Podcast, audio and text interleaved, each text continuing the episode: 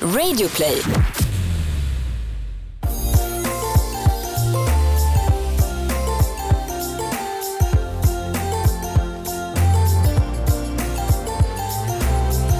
Välkomna till ett nytt avsnitt av Bakom varumärket där vi Jenny Kaiser. och Jessica Morales låter dig inspireras av människorna bakom några av våra största och mest ikoniska varumärken. Det är ett samtal om det mesta mellan himmel och jord men alltid med fokus på personen bakom varumärket. Det här var ju inte riktigt planerat faktiskt Jessica för att vi spelade ju egentligen in vårt sista avsnitt eh, för säsongen förra veckan. Stämmer. Eh, Så vi skulle egentligen haft 100% fokus på våra kunder annat på Kungsgatan 5 för att vi jobbar ju annars på reklambyrå Åkestam Holst. Men som sagt var så blev det inte riktigt för att vi fick ju chansen att träffa ännu en stjärna på den svenska marknadsföringshimlen och då säger man ju inte nej. Nej. Det är lite speciell dag idag för vi har det stora nöjet att välkomna vinnaren av det nyinstiftade priset Hundrafattaren till studion. Halebop och Johanna Salman, Head of Halebop. Varmt välkommen Johanna. Tack så mycket. Otroligt roligt att ha dig här. Ja, det är väldigt kul att vara här också. Det känns också lite privilegierat eftersom Verkligen. eh, priset delas faktiskt inte ut förrän på torsdag. Nej. Så att nu gäller det att hålla snattran. Fast nu sitter vi i en poddstudio där och håller Jag snabbare vet. får vi absolut inte göra. Ja, det, är, det är faktiskt svårt. Vi, pratar om det men nu förstår vad jag menar. Jag förstår vad du menar. Ja, ja. Vi tycker fall att det är väldigt, eh, väldigt roligt och välförtjänt att just ni vinner det här priset. Ska vi ta en liten kort bara intro till folk som eventuellt har missat vad hundrafattaren eh, handlar om? Precis. Eh, Det här specialpriset då är kopplat till reklamtävlingen som fokuserar på att priset, eller pris, vad heter det? Att premiera, Belöna. belöna, ja, de mest effektiva kommunikationsinsatserna under året. Och hundrafattaren då eh, föddes ur en brief till eleverna från eh, reklamskolan på Bergs School of Communication. Eh, och det handlar om att mäta och uppmärksamma en annan typ av effekt än just den som hundrafattaren gör. Och det är effekten av att ta ansvar. Därför belönar hundrafattaren ansvarsfull och inkluderande kommunikation. Berätta, hur, hur kände du, hur tänkte du när du fick vetskapen om att just Halebop hade vunnit det här priset? Alltså, jag blev ju jätteglad. Eh, jag fick frågan först inför någon slags nomineringsvända lite grann kring hur vi har tänkt och resonerat och vad det är vi har gjort. En massa, en lång lista med frågor jag skulle svara på. Men det kändes så fint. Och Jag, jag tror det var en fredagkväll som jag såg mejlet. Jag fick det säkert på torsdagen men han, han skrev det på fredagskvällen. Okej. Eh, Och satt väl liksom, ja, men jag tror jag la 45 minuter bara på att svara för det känns att det här, är, det här är faktiskt viktigt och det här är också för oss på Halebop på riktigt för det är någonting som vi har jobbat väldigt länge med och som ehm, inte alltid kanske syns då det jobbet som faktiskt ligger bakom och den ibland medvetenheten och ibland bara att det har blivit på ett visst sätt. Så det var, eh, det måste väl vara Reklam-Sveriges finaste pris tror jag. Faktiskt. Jag känner så i alla fall. Kände du att du hade alla rätt när du var färdig? Eh, nej, det kände jag inte. Jag tycker fortfarande inte att vi har alla rätt utan massor med saker kvar att göra. Eh, men jag tyckte att det var, det var väldigt kul att skriva det där mejlet i alla fall till, till juryn. Det kändes, det kändes bra att skriva och också få tänka igenom så här, vad är det vi egentligen har gjort. Eh, för ganska ofta så springer man bara på i vardagen och kanske inte alltid tittar så mycket i backspegeln på vad man har gjort tidigare. Så det var också ett sätt att få så här, konkludera lite grann så, och titta bakåt. Och så här, men vad har vi faktiskt gjort? Och vad står vi idag? Och vad har vi för planer framåt? Så att, eh, det blev en liten, en liten konkluderande sejour där framför datorn på fredagskvällen. När du har det då så färskt i minnet, bara förstå att det är en lång resa så sagt, men eh, när började det här egentligen eh, fokuseringen i verksamheten med tanke på att ni har som sagt, arbetat med frågan ganska länge? Ja, det började långt före min tid kan jag säga på Halebop. Um, 2011 hade vi en tv-reklam där vi hade en ung tjej som satt och sjöng och spelade gitarr. Och så sjöng hon en liten sång om Halebop, att man skulle välja Halebop. Eh, och vi tyckte väl inte att det var så mycket mer med den reklamfilmen. Men det startades en massa hatgrupper på Facebook mot henne. Där det var liksom aktivt den tjejen som man gav sig på. Eh, och jag tror det var någon av de här grupperna som hade liksom 45 000 följare. Helt sjukt. 45 000? Ja, jag, har, jag har för mig Helt det i alla fall. Nu, nu är det här ett tag sedan. De där grupperna är bortplockade sedan länge. Eh, så hon fick utstå jättemycket liksom, ja, men hat för att folk inte tyckte hon sjöng bra. Hon var inte tillräckligt snygg. Hon var inte tillräckligt whatever det nu var folk störde sig på. Och det fick liksom dåvarande marknadschefen och de, eller egentligen alla som jobbade på Halebop att så här, det här är ju inte klokt. Så här får det inte gå till. Nej. Använder folk våra tjänster, för det är ju ändå våra tjänster, på det här sättet. Eh, så det blev liksom ett, ja, men ett väldigt, det blev personligt. Faktiskt. Vi, vi kände ju den tjejen. Hon hade spelat in en reklamfilm för oss. Hon var ju hur, hur bra och hur gullig som helst. Och att folk då kunde bete sig så mot, mot en människa av kött och blod och faktiskt eh, bara hata på internet på det sättet. Det var inte så, man pratade liksom inte så mycket om näthat på den tiden. Så jag tror där och då bestämde vi oss för att men det här ska vi göra någonting åt. Eh, så då började vår resa kring den här schyssthetsstoryn som vi har drivit ganska länge. Att man, att man ska vara schysst och vi kallar oss den schyssta mobiloperatören och att man faktiskt vill göra någonting åt det. Så då började vi jobba med ja, men egentligen schyssthet. Så idag pratar vi mycket om inkludering och det är väl det som priset 100 fattaren egentligen handlar om. Men för oss så började resan egentligen kring att man ska vara schysst. Så. Och I och med att vi liksom undersökte vad det kunde handla om och undersökte mycket då, frågor kring näthat så blev det liksom ett, en naturlig fortsättning att vi ja, men letade efter att gestalta situationer där det kanske då där tittarna förväntar sig att det ska bli näthat och sen så blir det någonting snällt istället. Eh, så det var ett sätt för oss att, mm, det var liksom ingången egentligen till det vi idag kallar för det inkluderande perspektivet. Vi hade en hockeyfilmer, jag vet inte om ni kommer ihåg den. Jo. Två, Omklädningsrummet? Ja, men ja. precis. Eh, så kan man tycka så att visa upp unga homosexuella i omklädningsrum. Idag kanske det känns 100% på trenden. Liksom. Eh, men det var några år sedan här ändå. Och det, det handlar mer om perspektivet att börjar man liksom söka efter den typen av situationer där man ska vara schysst istället så, så hittar man också, vad ska man säga, folk som kanske blir exkluderade i samhället och liksom försöker inkludera dem på ett annat sätt i, i reklamen också. Det, det var verkligen vår starting point. Att vi, vi blev tagna på sängen av att det fanns så mycket hat helt enkelt. Det är häftigt också i, i vad man kallar för mobilkategorin. Ja. Med tanke på att eh, det är en lågintresseprodukt, eh, en lågintressekategori. Det ska bara funka i stort sett. Väldigt mycket den här kategorin handlar ju framförallt om pris eftersom uppkopplingskvaliteten och så vidare upplevs som ganska snarlik. Och där har ju Halebop på det sättet verkligen så att säga, tagit en tydlig nisch skulle man alltså kunna uttrycka på det sättet. Som handlar ju om värderingsprincipen. Ja. Men är det bara till godo om man tittar på affären? Um, ja. Det är det? ja, jag skulle säga det faktiskt. Um, vi är ju inte den största spelaren på mobilmarknaden och jag tror att Telia skulle inte kunna göra samma sak kanske för de, behöv, de har en betydligt, betydligt större marknad. Men för oss som då har en betydligt mindre marknadsandel än vad de gör så absolut lönar det sig att, att ha en nisch, det tror jag. Mm. Jag tycker det är häftigt. Eh, har alltid stått ut som lite av eh, rebellen i branschen skulle jag säga, men på ett positivt sätt. Ja. Mm. Men ska vi pausa bara där lite grann och, och, få lite grann, lyssnarna är ju alltid väldigt nyfikna på att ta reda eller få lite mer information om personen bakom varumärket. Ja. heter ju poddprogrammet också. Eh, I alla fall.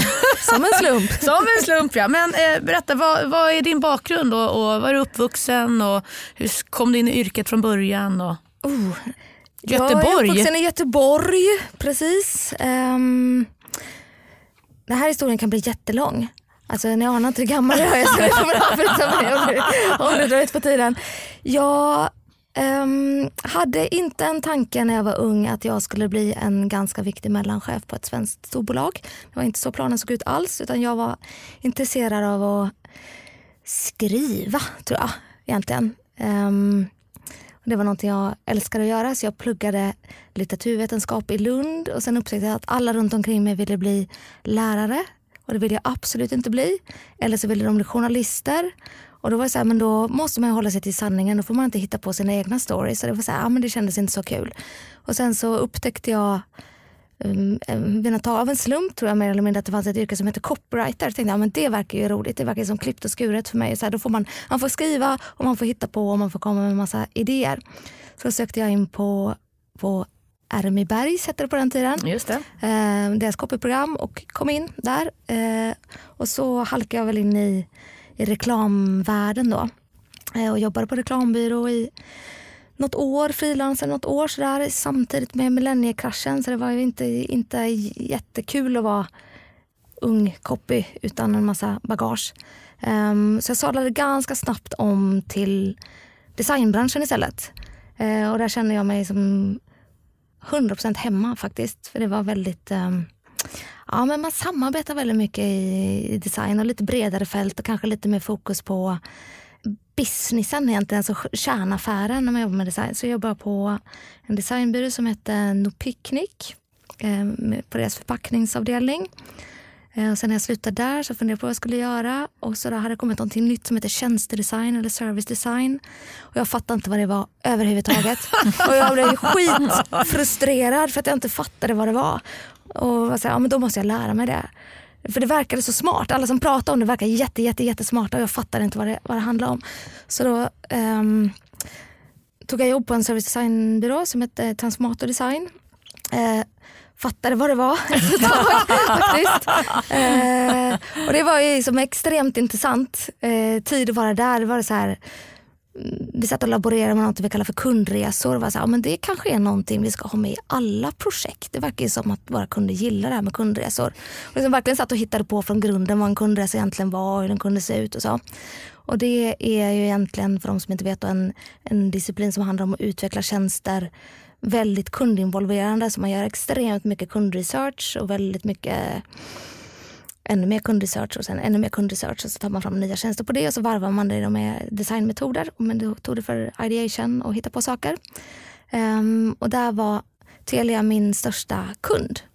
Uh, så efter några år där så var jag så här, men det skulle vara intressant att veta vad som händer när man är klar med ett projekt.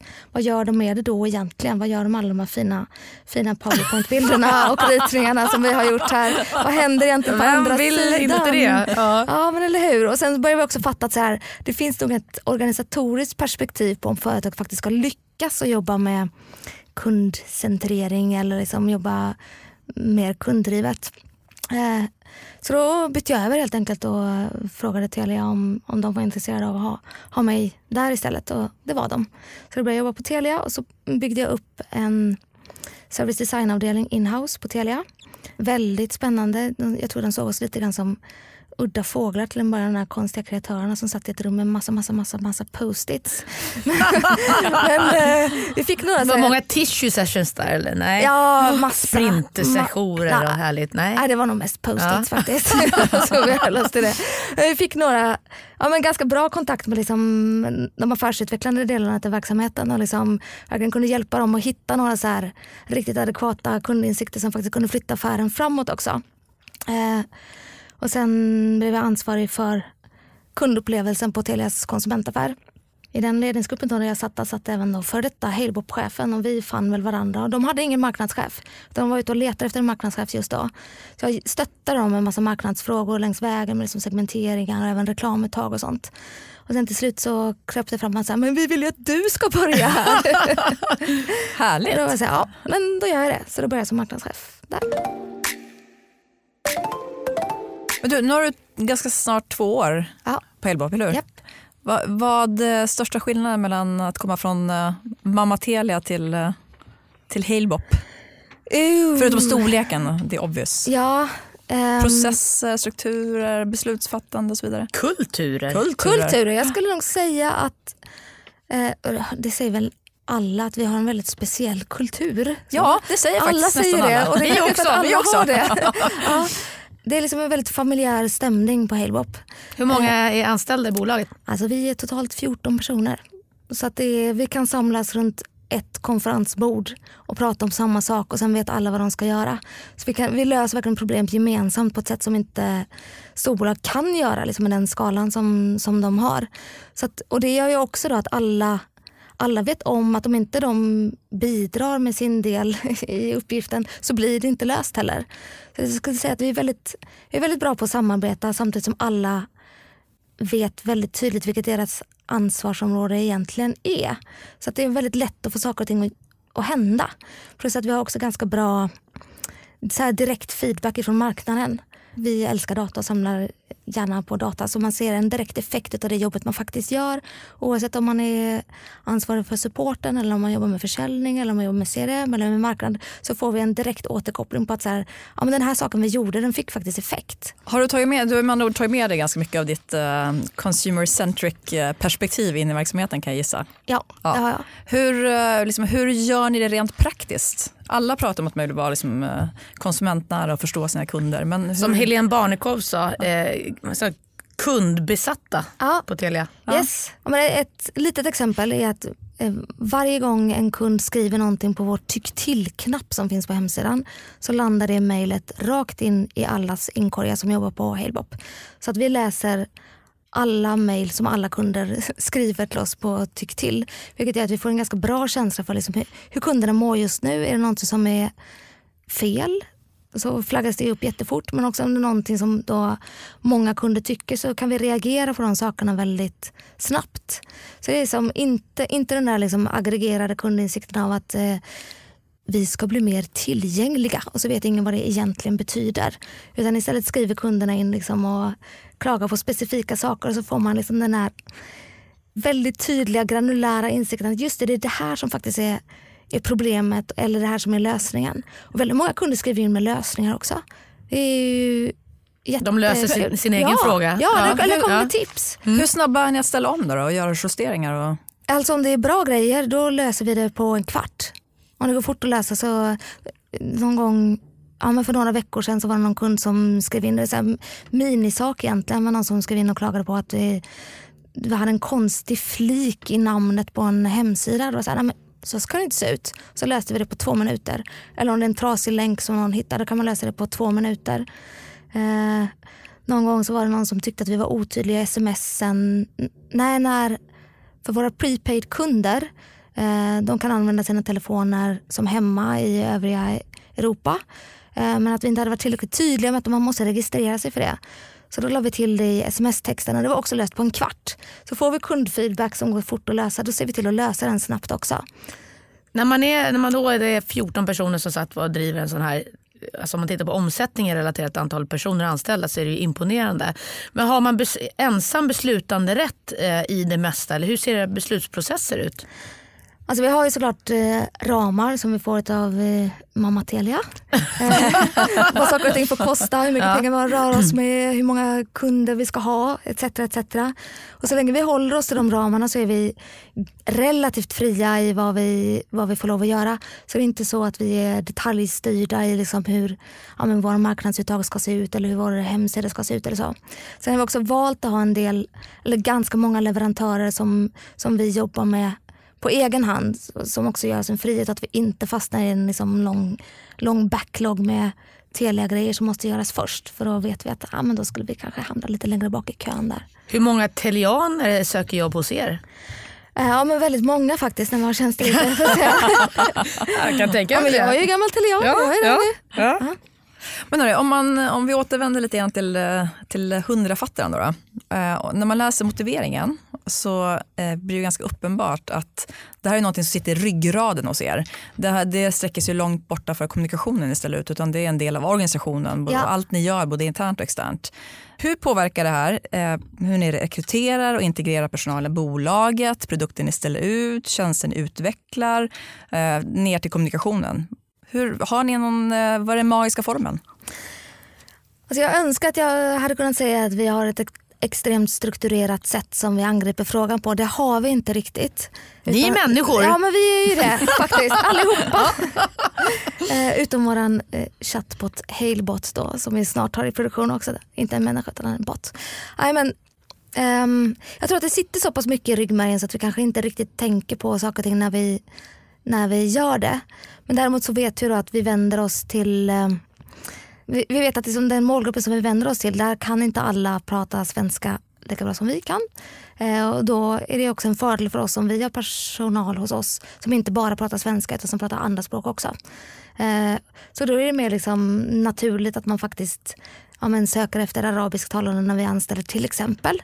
Eh, men sen är det inte så att det är liksom det enda kriteriet utan det måste ju funka på fler sätt också såklart.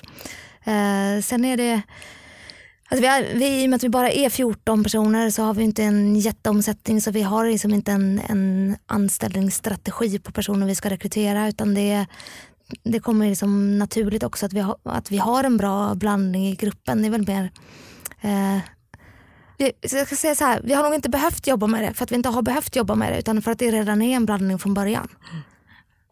Eh, och ni inledde nyligen samarbete med eh, kommunikationsbyrån Kapi, heter de Ja, så? Kapi. Eh, och de fokuserar sig på mångkulturell kommunikation. Ja. Hur ser deras uppdrag ut relaterat till era andra reklambyråer, mediebyråer och andra ni jobbar med? Eh, Kapi är framförallt en taktisk byrå så de hjälper oss med dels med översättningar ehm, vilket är jätteviktigt att det blir rätt och också sjukt svårt att kolla. Alltså det, det går ju inte liksom. när, man, Ja. när man får material tillbaks på arabiska. Det är så här, vi har ju inte en chans faktiskt att säga om det är rätt eller fel eller veta vad som står överhuvudtaget. Så behöver vi den, den hjälpen från folk som faktiskt kan det. Och också veta att det följer vår tonalitet hyfsat i alla fall. Ehm, sen hjälper oss också med sampling. Eh, och vad de gör när de är ute och, och samplar våra kontantkort till exempel. Då samlar de också in insikter. Eh, Så att vi får också direkt insikter från, från våra målgrupper på ja, produktutveckling eller kommunikation eller marknadsföring eller vad det är som funkar eller inte funkar. Så de är både då en, en taktisk byrå, en samplingsbyrå och en insiktsbyrå för oss. Um, plus att de har ju så himla bra koll på ja, vad ska säga, den mångkulturella Sverige så att de hjälper oss också med liksom kalendrar och aktiviteter och komma in i ja, men olika grupper och eh, samfund kommer, och sånt som den, finns. där kommer den kulturella frågan Ja. in på det sättet också eftersom man jobbar med diversity och den kan, måste man ju ta hänsyn till vare sig man vill eller inte även om man är, bor i Sverige om man får uttrycka sig så. Det är väl en av styrkorna tänker jag också med strategi. Ja men absolut. Att möta människor, vad jag menar med det, även om ni har en tydlig strategi och ett tonläge och budskap och så vidare. Så att jag menar, om man har den sättet att nå en mycket bredare målgrupp på så kan man inte trycka ut budskapen rakt på utan det är det jag menar med mer transcreation och säkerställa Ja. att det också landar rätt. Ja, ja. Och, li- och lite grann så tänker vi nog faktiskt i vår så här, ordinarie svenska marknadsföring också att vi kan inte... Eller jag, personligen så tror inte jag på att man idag kan styra ett varumärke helt och hållet ifrån liksom huvudkontoret och sen bestämmer man hur så här ska folk tycka och tänka och känna exakt just nu om det vi säger. Utan det måste finnas ett samspel med, med publiken man möter när man möter den. Alltså våra, vår målgrupp är med och formar vårt varumärke lika mycket som vad vi själva är egentligen. Sen kan vi hoppas på vissa saker och som styra och kurera åt ett visst håll. Eh, men jag tror att varumärken eh, jag tror att man ska se det mer som att man, det är någonting man gör ihop med målgruppen. Poddtips från Podplay. I podden Något Kaiko garanterar östgötarna Brutti och jag, Davva, dig en stor dos skratt. Där följer jag pladask för köttätandet igen. Man är lite som en jävla vampyr. Man har fått lite blodsmak och då måste man ha mer. Udda spaningar, fängslande anekdoter och en och annan arg rant. Jag måste ha mitt kaffe på morgonen för annars är jag ingen trevlig människa. Då är du ingen trevlig människa, punkt. Något Kaiko, hör du på Podplay. Därför är gardinerna. Men du, kopplat till det du sa att de var ute och träffade folk och man samplade och ställde frågor och skapade insikter när man var ute på, fält, ute på fältet. Om man Ja, säger så. ja. Är ni engagerade i några andra projekt eh, utanför Heibos väggar så att säga? Driver ni några andra projekt vid sidan av som handlar om inkludering och mångfald? Eller? Ehm, inte utanför Halebops väggar skulle jag inte säga. Vi, ehm, vi har precis dragit igång ett initiativ som vi kallar för Halebop Creative Call. Ehm, Vad är det? Det är ehm, en form av undersökning egentligen som ligger i linje med det här kan vi, kan vi vara ensamma om att diktera vårt varumärke. Och det kommer ifrån då två saker egentligen. Dels att, att vi tror på co-creation och samskapande. Eh, och sen att vi ser att de senaste tio åren så har det hänt så extremt mycket i den kreativa världen. När, eh, med, med digitaliseringen det har inte bara förändrat liksom mediemönster och medievanor utan det har också förändrat hur människor faktiskt kan skapa kommunikation eller vara kreativa överhuvudtaget.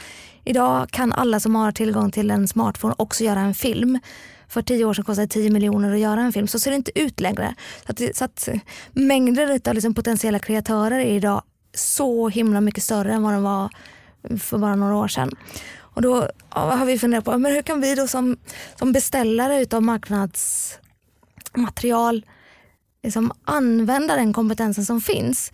För i dagsläget så eh, går man då fortfarande ganska traditionellt som annonsör till en byrå. Sen så får byrån göra sitt jobb och sen så ja, men, är det lite stängda dörrar och sen så kommer det ut någonting i slutändan och sen så har det hänt så himla mycket vid sidan av. Så det här Hailbop Creative Call är egentligen en undersökning med hur kan vi liksom skapa grejer tillsammans med vår målgrupp. Eh, och då gjorde vi, eh, vi hade ett labb på Gather i höstas när vi bjöd in vår målgrupp till att försöka förstå hur kan vi kan man jobba med co-creation kring kommunikation. Så, och jag tänkte lite jättenaivt att så här, ja, men vi kan väl bara göra en digital plattform och sen så lägga upp lite briefer där och så får folk betalt så blir det jättebra. Och sen så insåg vi såklart att ja, men det funkar ju inte. Ja. För, för de känner ju inte oss, vår målgrupp. Och vi känner ju faktiskt inte inte de heller. Så det kanske vi kan göra om ett år eller om två år eller någonting sånt. Utan vi måste lära känna varandra först. Eh, så det vi gör nu då under Creative Call, då har vi bjudit in ett antal kreatörer som vi tycker är jättekola, duktiga, unga, inte superetablerade än och som då eh, många kanske inte kommer från den liksom, traditionella kreatörsvärlden. Eh, och så får de en månadslön av oss och så får de göra vad de vill. Faktiskt. Så länge det inte är sexistiskt eller rasistiskt eller kriminellt har vi lagt till också. känner, ja, vi lägger till det här kriminellt för säkerhets skull. När kommer första, första caset? Eh, det kommer faktiskt på torsdag. Oj, alltså, det vad krockar spännande. ju med 100 wattskalan. Vi försöker alltså maximera det som händer alltså, på torsdag. Vi maximerar ja. torsdagen ja, eh, big time. Så det är en ung fotograf som heter Paul Edwards som gör eh, modefoton eh, och använder liksom sina vänner när han gör kort. Alltså gå in och kolla på hans Instagram. Det är så vackra bilder. Helt fantastiskt. Och han kommer ha sin första då, lilla separatutställning eh, med Halebop Creative Call. Spännande. Ja, det blir jättekul. Eh, så vi, vi, ska vi helt ärligt så här, vi vet inte vad det här tar oss. Men vi tänker att man måste börja försöka i någon ända så får vi, så får vi se vad det blir i slutändan. Helt rätt. Vi har ju alltid, det är nog många i branschen som har beundrat Halebop under många år. Ni har ju haft ett väldigt eh, eget uttryck. Eh, vi pratar väldigt mycket på byrån om distinctiveness till exempel. Eh, och det blir viktigare och viktigare. Jag tänker också med din designbakgrund på det sättet. Ja. Eh, och ganska nyligen så gjorde ni ju om ert grafiska uttryck ganska rejält. Ja, jättemycket ja. faktiskt. Var, varför gjorde ni det? Eh. ja men, måste, ja, men varför? Ja. Um, telekombranschen är en väldigt taktisk bransch. Eh, det händer väldigt mycket, det är väldigt mycket liksom här och nu. Eh, och är man i en taktisk bransch då måste man också synas. Alltså det måste ta för sig visuellt för att, det ska, mm, för att man ska märka det överhuvudtaget. Ganska konkurrensutsatt också. Ja, jättekonkurrensutsatt. Eh, jag var ganska avundsjuk på Comvik. Jag tycker de hade så himla distinkt maner. Och man känner verkligen igen det när man går förbi det. Man liksom ser direkt vad det är. Och när, vi, mm, när jag började göra de första grejerna jag gjorde för Halebop som ny marknadschef så var vi visste inte hur en printannons såg ut. Vi visste inte hur det såg ut om vi, om vi var på en utomhustavla när det gäller tv-formatet hade vi en extrem så här, distinctiveness i det. Men det funkar liksom inte att ta ut det maneret på fler på andra touchpoints. Och även när vi jobbade digitalt så var inte heller maneret liksom riktigt hemma än. Så vi, liksom, eh, vi såg olika ut beroende på var vi var någonstans. Så i grund och botten handlade det om att vi behövde få eh, liksom en, en tydlighet genom alla kanalerna egentligen. Och då började vi undersöka de element vi hade, hur de funkar och sådär och insåg att så här, oh, det är inte jättestarkt faktiskt. Och eh, så när vi testade olika element liksom mot varandra så var det i princip bara det svartvita maneret som hade en hög igenkänningsfaktor. Eh, och det var jättemånga som tänkte på Coop och på Preem när de såg våra färger. Jättemånga tänkte på Vimla och på Comvik där de såg våra typsnitt. Och det så här, men där vill man inte vara. Liksom, utan det behövs eh, en, en tydlighet i, liksom, i, det, i det visuella. Sen eh, gjorde vi också en omtweakning av vår, eh, vår målgrupp och vår segmenteringsmodell eh, och ville bli lite äldre i uttrycket när vi tidigare har varit ganska förknippade med liksom, ganska unga tonåringar, eh, kanske till och med barn och ganska många av våra befintliga kunder tyckte vi var lite för barnsliga i uttrycket och tilltalet. Så vi behövde, göra, vi behövde bli lite äldre helt enkelt. Växa upp lite. Ja. Och sen så eh, har ni också lagt till ett, en ljudkomponent. Ja. Ja, som du Ja. pratade lite om på Sound Stockholm Just här det. i förra veckan. Just det. Hur låter Halebop numera? Eh, Glatt? Nej. pling, pling, pling, plong. Ja.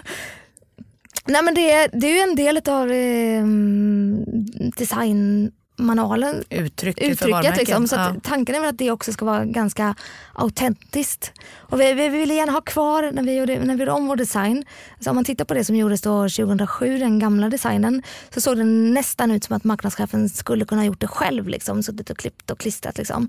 Om man tittar nu med som alla digitala verktyg som finns så är vår design fortfarande sån att man nästan skulle kunna ha gjort det själv. Men det blir mycket snyggare idag för att verktygen är mycket bättre idag. Och musiken är väl lite, lite på samma sätt. Liksom. Att det ska vara lite low-fi, lite low-key, inte jättehögproducerat. Så att man, ja, men med, med rätt verktyg så ska man liksom kunna, eh, kunna hantera det där på, på egen hand. Någon slags grundtanke med det. Eh, Jag tycker att vi lyssnar lite grann på Halebops nya ljudprofil. Ja.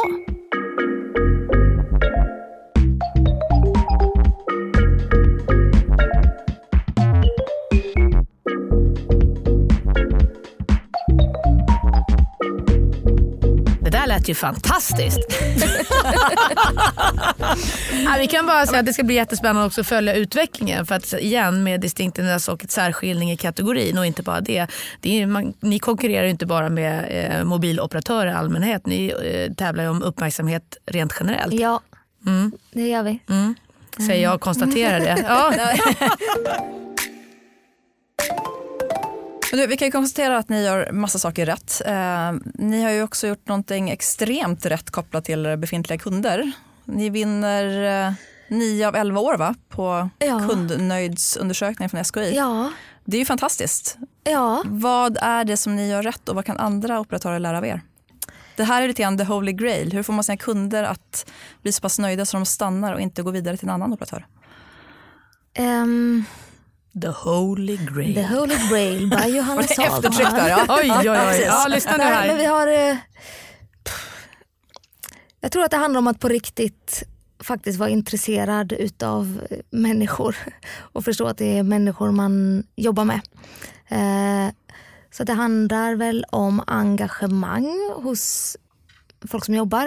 Ja, men så här, vet du vad? Det måste få vara viktigt. Att det, räcker inte att bara prata om kundupplevelser och tro att det ska hända utan det måste få vara viktigt på riktigt. Så som ledare i en organisation då måste man prata om kundupplevelsen också. Man måste lyfta upp det, man måste prata om det varje vecka för annars, så, annars kommer det inte hända någonting. Man måste också fira de här framgångarna. Och vi, vi är ganska praktiska. Vi är, inte liksom, vi, vi är inte så många så att vi har en hög med människor som kan sitta och filosofera bredvid och göra powerpoints utan liksom alla måste jobba hela tiden. Och då med mm, SKI eller MPSen, vi har liksom, vi hittar på aktiviteter så vi har något vi kallar för 50-listan och säger att det här ska vi beta av i år för det här kommer göra kundupplevelsen bättre. Och sen i och med att vi har gjort det så många gånger så vet vi att ja, men om vi bara betar av de här små grejerna så kommer det faktiskt att leda till att det på totalen blir mycket, mycket bättre. Och jag vet när jag har suttit med andra bolag när jag jobbade med kundupplevelse tidigare som konsult att väldigt många vill ha en jättetydlig prioritering från början. Men vilka grejer på den här listan är faktiskt viktigast? Och det är jättesvårt att säga. Det går nästan inte att säga så här, men den här är viktigare än den. För det, det beror så mycket på hur det, hur det utförs och hur det mottas. Och sånt där. Utan det viktiga är att man gör dem. Så för om det, om det inte blir gjort då, då kommer det aldrig ha någon effekt. Så att fokus på att faktiskt göra grejer. Det är väl det där som är fördelen att vara en ganska liten och slimmad organisation. Att eh, det går snabbt och Ja. att ni kan agera på saker. Ja. Om vi jämför med era betydligt större, eh, mer trögrörliga konkurrenter i branschen kanske. Om du skulle skicka ett råd till, ja, vi tar Telia, Tele2, Telenor kanske. Ja. Vad skulle du säga då? Ehm, ja, det måste väl vara i sådana fall att eh, kommunicera inte bara på liksom vd-nivå utan att man måste få alla ledare i organisationen med sig och kommunicera samma sak. Och att också tycka det är viktigt. Man behöver inte tycka att det är viktigast med kundupplevelse för att jag tror att alla då, de bolagen som du nämnde, vi lever i en kvartalsekonomi och vi vet att liksom siffrorna ska rapporteras först. Men det kan väl få vara näst viktigast då. Så att vi gör det näst viktigast också, annars så kommer det inte hända någonting. Och eh, nu ska vi eh, börja wrap it up a little bit. Även om jag nog talar för oss alla tre att vi skulle kunna sitta här hela kvällen. Men vi ska prata lite kort kring eh, framtiden. Eh, lite grann apropå vad du nämner. Men eh, med digitaliseringen och så vidare som sker nu. Till exempel när det gäller i eh, er bransch så mm. kommer ju fysiska simkortet snart att försvinna till exempel. Eh, vi tittar på Internet of Things. Mer och mer liksom hårdvaror och så vidare ja. kommer att liksom kopplas upp och sys samman. Vad är Halebobs liksom roll och framtid i det här nya landskapet framöver? Hmm. Har ni ett existensberättigande tänkte jag apropå att ni är ju en mobiloperatör framförallt? Ja, jag tror nog att mobiloperatörer kommer behövas ett tag till framöver. Men vi har också lanserat eh, en en ny tjänst i alla fall som heter Local som är en eh, icke simbaserad tjänst. Som är en app som man ringer till utlandet eh, från Sverige med väldigt billig trafik, då, billiga samtal till eh, utlandet och det är också då riktar sig till eh, den målgruppen utav svenskar som har rötter i andra länder när man behöver ringa hem till släkt och vänner. Så det är ett exempel på en produkt som faktiskt då inte är simcentrisk om man säger så. Den är inte ens Halebop-kopplad va? Det är, det är väl operatörsoberoende? Ja, helt och hållet operatörsoberoende. Ja. Så att det, ja men man får man behöver nog eh, söka sig fram där. Sen om det finns en masterplan i bakfickan så kan jag inte avslöja den just nu. jag förstår det. Men det, det, blir ju intressant i och med att vi är ju i, en, i ett otroligt eh, häftigt skifte. Det är ingen som har svar på liksom, framtidens alla frågor. Men det blir ju också intressant just den här kategorin som vi är så otroligt beroende av eh, uppkoppling. Ja. Det är inte bara i det dagliga och så, utan liksom hela, hela vårt liv baserar sig på det. Och då blir det spännande från ett mobiloperatörsperspektiv. Vad är ens framtida liksom roll? Vad fyller man för ja, funktion? Ja, men det är jätteviktigt och det, jag tror också det är därför det är så extremt viktigt för alla mobiloperatörer att jobba just med kundupplevelse och behålla en kundrelation och faktiskt finnas för kunden även när kunden behöver oss och inte bara när vi behöver dem. Så, så att, eh, jag tror att service är väl en av nycklarna framåt för mobiloperatörer och vara riktigt duktig på det. För det händer ju också saker med hårdvaran. Verkligen, och, vem är det som ska hjälpa till med den till exempel? Mm. Men bara en, en liten reflektion då, givet vart, vart vi är idag. Det är Cyber Monday idag. Ja. Vi kommer just från eh, Black Week och Black Friday och hela konkarongen. Eh, hur länge kan vi fortsätta konsumera som vi gör? Och vilket ansvar tar ni som mobiloperatör? Um, vi har till exempel lanserat, nu är det för snart två år sedan, en tjänst som heter Reloved som är en begagnat shop för mobiltelefoner. Vi tror att det är bra om mobiltelefoner kan leva lite längre än vad de gör idag. Eh, för det är egentligen eh, Alltså själva bitsen som vi skickar genom luften kanske inte är de som är mest skadliga för miljön eller så. Eh, utan det är just vad som, vad som händer med hårdvaran och hur länge man har den och hur, hur den fungerar.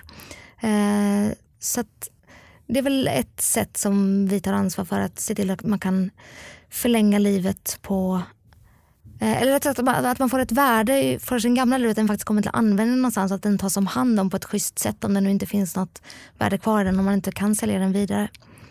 Eh, 2019 står inför dörren. Ja, det är det. Eh, och, eh, vad tänker du? Vad drömmer Johanna om inför det nya året? Fred på jorden. det gör jag i alla fall. Keep on dreaming. ja, hade det inte varit härligt om folk kunde bli sams? Om man kunde hitta så här common ground och så slutar samhället att vara så polariserat. Det hade varit fint om folk, om folk hade slutat bråka och vara så här, men nu, nu lägger vi ner här. Eh, inte helt hundra på att det kommer att hända under nästa år. Eh, men det hade varit härligt om det hade kommit en, en mittenrörelse. Det hade jag gärna sett. Vi får driva den tillsammans. Jag är med. Ja, jag med. Vi gör det. Och, och för, det, och för Halebop då, vad, är ert, liksom, vad tänker du där? Vad drömmer du om att ni vill åstadkomma 2019? Uh, jag vill att vi ska lansera några fler innovativa, roliga tjänster såklart. Um, jag vill att vi ska få att vi ska lyckas med det här Halebop Creative Call som vi pratade om innan. Att vi ska hitta någon, någon väg eh, framåt där och faktiskt hitta ett, eh, eh, ett intressant eh, samarbete nära våra kunder. Det drömmer jag om. Um, Sen har jag väl vissa andra drömmar på den ekonomiska sidan också men de, de håller jag för mig själv. Vi kommer i alla fall följa det här på nära håll och det blir jättekul att se det första initiativet då som rullar ut nu på torsdag den 29 november. Ja, Samma dag verkligen. som sagt var som ni hyllas för ert fina arbete eh, inom ramen för 100-fattaren. Ja. Det Och jag måste säga, jag tycker det är så himla roligt att det är elever på Berg som har eh, kommit på det också. Det, det, det känns som att det, det ger liksom hopp för den nya generationens reklamare att det finns en, en medvetenhet där. Ja. Framtiden ser ljus ut. Ja. Ja, och sen så vi kan faktiskt bara säga det för de som är intresserade att få höra lite grann mer om tankarna bakom så intervjuade vi faktiskt en av eh, kreatörerna bakom den här idén eh, under Ad Day. Så att det finns om man söker på Google så kan man läsa mer om det. Ja. Men nu eh, är det dags som sagt att eh, försöka komma till sista frågan här. Vi hade som sagt kunnat prata hur länge till som helst. Vårt frågebatteri är långt ifrån slut. Massa mer saker vi pratar om. Men nu står det och knackas här bak så nu måste vi avsluta. Så vi tänkte göra som vi alltid gör. Att vi ger dig fem snabba ord. Eh, och du ger oss det första du tänker på när du hör det ordet. Okej. Låter det bra? Ja. Konst. Ernst Billgren. Passion, Mm, Mattias, det är min man. Data. Kul. Vinter, Inte kul. Och så avslutningsvis mångfald. Ja men det är härligt. Vi hade kunnat sitta här hela kvällen som sagt var. Eh, Men nu måste vi säga stopp för den här gången. Och stort tack Johanna för att du tog dig tid att vara med i vårt eh, lilla program Bakom varumärke. Ja, eh, hoppas vi får träffa dig snart igen. Eh, och som sagt var mycket spännande saker som händer hos Ailpop. Det här är Jenny Kaiser. Och jag Jessica Morales från Bakom varumärket signing off. Vi hörs om en vecka people. Bakom varumärket presenteras av Bauer Media. Störst i Sverige på ljud.